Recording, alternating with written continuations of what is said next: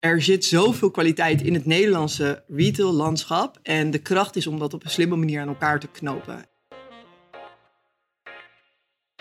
Hoi, ik ben eh, Justin Sandé, Head of Sales en Marketing bij de Bol.com Retail Media Groep. En Taskforce voorzitter van de VIA Taskforce e-commerce.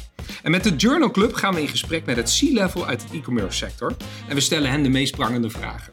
En vandaag heb ik de eer om Anneke van Wetten, directeur marketing online en loyalty bij Gal en Gal, te interviewen. Uh, tevens oud Bol.commer, dus dat is helemaal uh, leuk. Welkom, Anneke. Dankjewel, Justin. Ongelooflijk leuk dat je mee wilt doen aan dit interview. En uh, laat ik maar gelijk van wal steken met een uh, eerste prangende vraag. Een half jaar geleden heb je na zeven jaar bol.com uh, de overstap gemaakt naar Gal en Gal. Um, waarom heb je die stap gemaakt en hoe heb je het ervaren? Ja, Goeie vraag. Um, nou, allereerst is gewoon, gewoon natuurlijk onderdeel van Delhaize. Dus het voelt misschien verder weg dan het daadwerkelijk is. Um, maar ik heb eigenlijk bij Bob.com in de zeven jaar dat ik daar zat zoveel verschillende dingen gedaan... dat uh, het na vier jaar binnen onze commerciële afdeling tijd werd om me weer eens wat breder te ontwikkelen. Uh, en ik denk dat je bij Bob.com toch wel een beetje de crème de la crème hebt van de e-commerce. Je leert daar gewoon dingen die nou ja, vrij schaars zijn in de rest van de markt. Precies. Um, dus het leek me leuk om echt weer ergens anders naartoe te gaan echt weer te bouwen aan iets in een wat kleinere omgeving. Um, en dat blijkt ook echt zo te zijn. Dus het is echt een kwestie van heel veel brengen vanuit Bob.com, maar ook heel veel halen vanuit, nou ja, toch het omnichannel landschap en eigenlijk alle fysieke retailkennis die er uh, bestaat binnen Ahold. Dus um, blij met de overstap. Leuk, leuk. Nou, dat is ook trouwens een mooi bruggetje naar natuurlijk het eerste, noem het maar, digitale wapenfeit. Hè? Wat, ik, uh, wat we konden lezen een, uh, een, ma een, maandje geleden. Hè? Want jullie hebben besloten om te gaan bezorgen vanuit de winkel.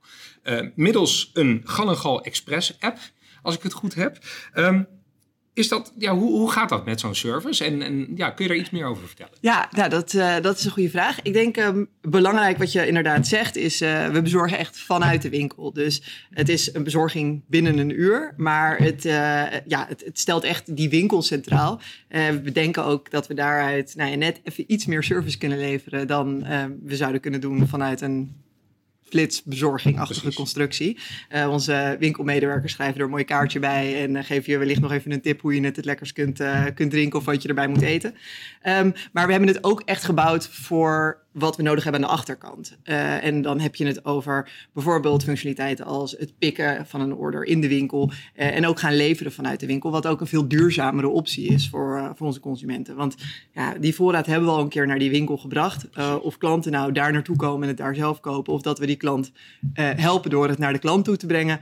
Ja, dat maakt dan eigenlijk niet zo heel veel meer uit. Dus het mooie hiervan is, ja, je bouwt een bepaalde functionaliteit. En die heeft heel veel verschillende toepassingen. En die zijn we nu allemaal aan het ontdekken. Kijk, nou, je, je, noemde al iets over flitsbezorging inderdaad. Ja. Want dat was het eerste wat ook in mij opkwam. Ja. Hey, uh, proberen we in die markt dan te concurreren? Uh, je voegt eigenlijk een persoonlijke noot toe, toch? Eigenlijk meer klantkennis misschien. Uh, dat ook, denk ik. Um, en wat voor ons heel belangrijk is, en dat is eigenlijk ook waarom we er bewust voor kiezen om het niet via een, nou ja, voor nu een flitsbezorgingachtige constructie te doen, is die niks 18 controle aan de deur. Dus um, wat je toch ziet is dat heel veel flitsbezorgers die belofte niet waar kunnen maken. Um, voor ons is dit een van de pijlers van onze strategie. Ja. We vinden dat we een voortrekkersrol hebben in de categorie. En daarin is verantwoord met die rol omgaan super belangrijk. Dus dat betekent dat we naar 100% niks 18 controle streven. Uh, en dat doen we door ofwel zelf te bezorgen of samen met Peddler, een bezorgdienst die we echt hebben getraind hierop. En waarop ja. we gewoon aankunnen dat zij die controles daadwerkelijk gaan, uh, gaan doen. Dus dat is, dat is een groot verschil. Ja, precies. Nou, dat is absoluut een, een, een goede. En dat, je noemde het al, hè, is ook een onderdeel van de, van de strategie. Ja. kun, kun je daar iets meer over zeggen? De Gallengal, noem het maar de, de e-commerce strategie. De e-commerce strategie, ja. Dus de overkoepelende Gallengal strategie is goed genieten strategie. Um, we vinden dus dat uh, iedereen uh, boven de 18 uiteraard uh, zou moeten kunnen genieten van een lekker drankje. Of dat nou een wijntje of bijvoorbeeld sterke drank is of een lekkere cocktail. Um, 0.0 is daar ook super belangrijk in. En de e-commerce strategie is natuurlijk een onderdeel van die strategie. Um, en die zit op gemak. dan moet je dus denken aan bijvoorbeeld zoiets als Express. maar sowieso het ook kunnen ophalen van je order in de winkel. vaak is het zo dat als het in de winkel klaar ligt en je selecteert die optie, dat je al binnen een half uurtje een berichtje krijgt van hé, hey, je kunt al ophalen. Door achterhalen van mensen die in het winkelcentrum lopen. En terwijl ze besteld hebben, eh, terwijl ze nog niet eens bij de auto zijn, zien ze al, hey, ik kan het al gelijk meenemen. Ja, en dan zie je dat die winkelmedewerkers daarin ook echt net weer het verschil maken. Eh, en dan nog even met je meelopen naar de auto om het achterin te zetten. Ehm, dus, dus dat is die gemakkant. Er zit ook absoluut een, een service component. Want ehm, ja, de luxe die je bij Gal hebt, die er natuurlijk niet was bij bol.com, is dat je eh, fysieke winkels hebt die echt het verschil kunnen maken in die Journey. Ehm, dus daarin is onze, ehm, onze, ons doel ook helemaal niet om die klant van eh, de winkel naar online te brengen vanuit een kostenvoordeel of efficiëntie. Het zit er juist in dat we geloven dat omnichannel uiteindelijk, die klant die in beide kanalen winkelt, Precies. is uiteindelijk de meest de waardevolle klant. beleving, eh, Precies, ja, en daarin ja, is eh, e-commerce, daar zien we dat, dat mensen over het algemeen net iets meer op eh, grotere verpakkingen zitten. Soms ook iets meer op voordeel. We relatief daar bijvoorbeeld weer iets meer wijn dan sterke drank verkopen. Dus het zijn net andere eh, ehm, aspecten. Nou, daar hoort dus ook een, een commerciële strategie bij die daar goed bij past. Dat zijn we ook een beetje in de vingers eh, aan het krijgen. Ja, en, en wat ook echt nog wel een, een, next step is voor ons, is dat we ook naar dat online kanaal ook veel meer kennis en bijvoorbeeld reviews en ratings, dat we daar veel meer mee gaan doen. Want uiteindelijk leent dit product zich natuurlijk extreem voor Precies. personalisatie, segmentatie. Ehm, het is een high involvement categorie, dus mensen die eh, eh, vinden het interessant over het algemeen, willen er meer over weten. Nou ja, en daar kun je heel mooi de kracht van online, alle data die je daar verzamelt over de klant, kun je ehm, eh, omzetten in heel goed advies van, nou, wat zou je volgende drankje kunnen zijn? En dat kan je online uitserveren, maar dat kan je natuurlijk ook in de winkel weer, Precies, weer want die gebruiken. informatie die gaat ook weer terug naar de winkel, neem ik aan. Nou, naar de medewerkers ja, op dus den duur.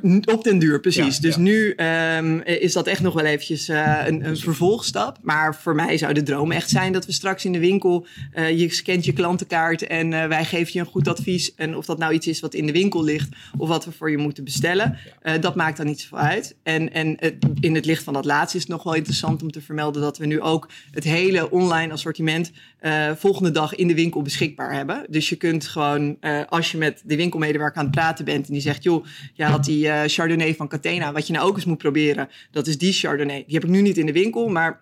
Hier is de barcode, je kunt hem gelijk afrekenen en morgen heb ik hem hier voor je staan. En dat hebben we net uitgerold naar alle winkels. Dus eh, daarmee eh, beschikken al die winkels over de meer dan eh, 1500 wijnen die we op voorraad hebben. Ah, precies, ah, hartstikke mooi. En ook een mooie combinatie met eigenlijk meer voorspellen ook wat een klant zou willen, willen gaan kopen. Ja, nou ja, dat is helemaal interessant. Dat zou absoluut een toekomststap zijn. Maar daar moeten we nog wel wat, eh, wat schakeltjes, eh, denk ik, ook aan elkaar koppelen. Precies. Nou, en om terug te komen op het begin van je vraag, die, eh, dat, die express eh, ehm, toepassing eigenlijk die we nu hebben. Ja. Ja. daar zie je dus ook dat je een aantal verschillende e-commerce capabilities eigenlijk aan elkaar moet knopen om dat te kunnen. Ja. En zo'n platform biedt gelijk weer ruimte om allerlei nieuwe toepassingen te gaan eh, ontwikkelen. Mooi, mooi, mooi. Dus een, eh, hè, een ogenschijnlijke kleine start, wat, wat, wat, wat Ja. een basis is voor veel meer andere Zeker. toepassingen.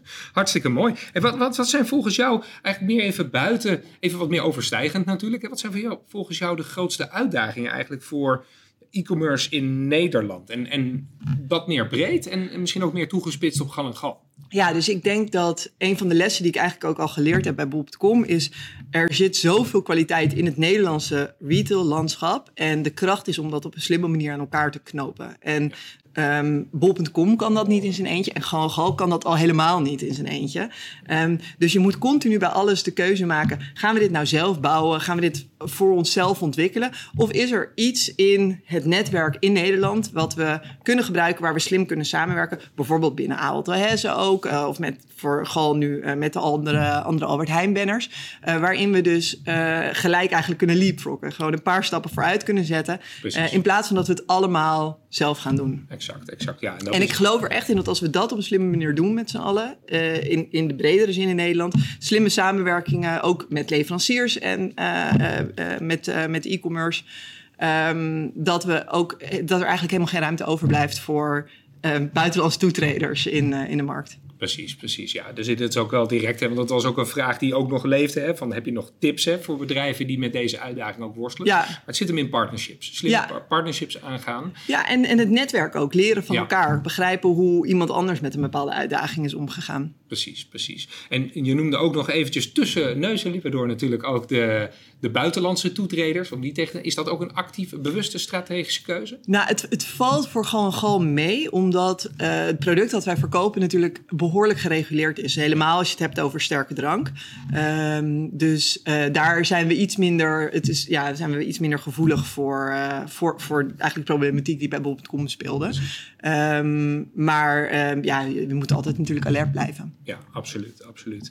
Hey, en als je kijkt naar, uh, naar die Nederlandse markt, naar die partners of bedrijven wie is wat jou betreft echt een voorbeeld of een voorloper? Als ja, het dan, gaat om ja, het is een beetje flauw om te zeggen, maar dan kom ik toch wel weer terug bij bol.com. Ah, okay. Ja, ja, nou goed, ik heb daar zeven jaar gezeten. Toen, uh, toen ik binnenkwam, toen bestond het bedrijf denk ik ook al ruim tien jaar. Uh, en het is toch wel uniek hoe uh, nou ja, een bedrijf begonnen is als een boekwinkel zich over al die categorieën heeft, heeft uitgebreid.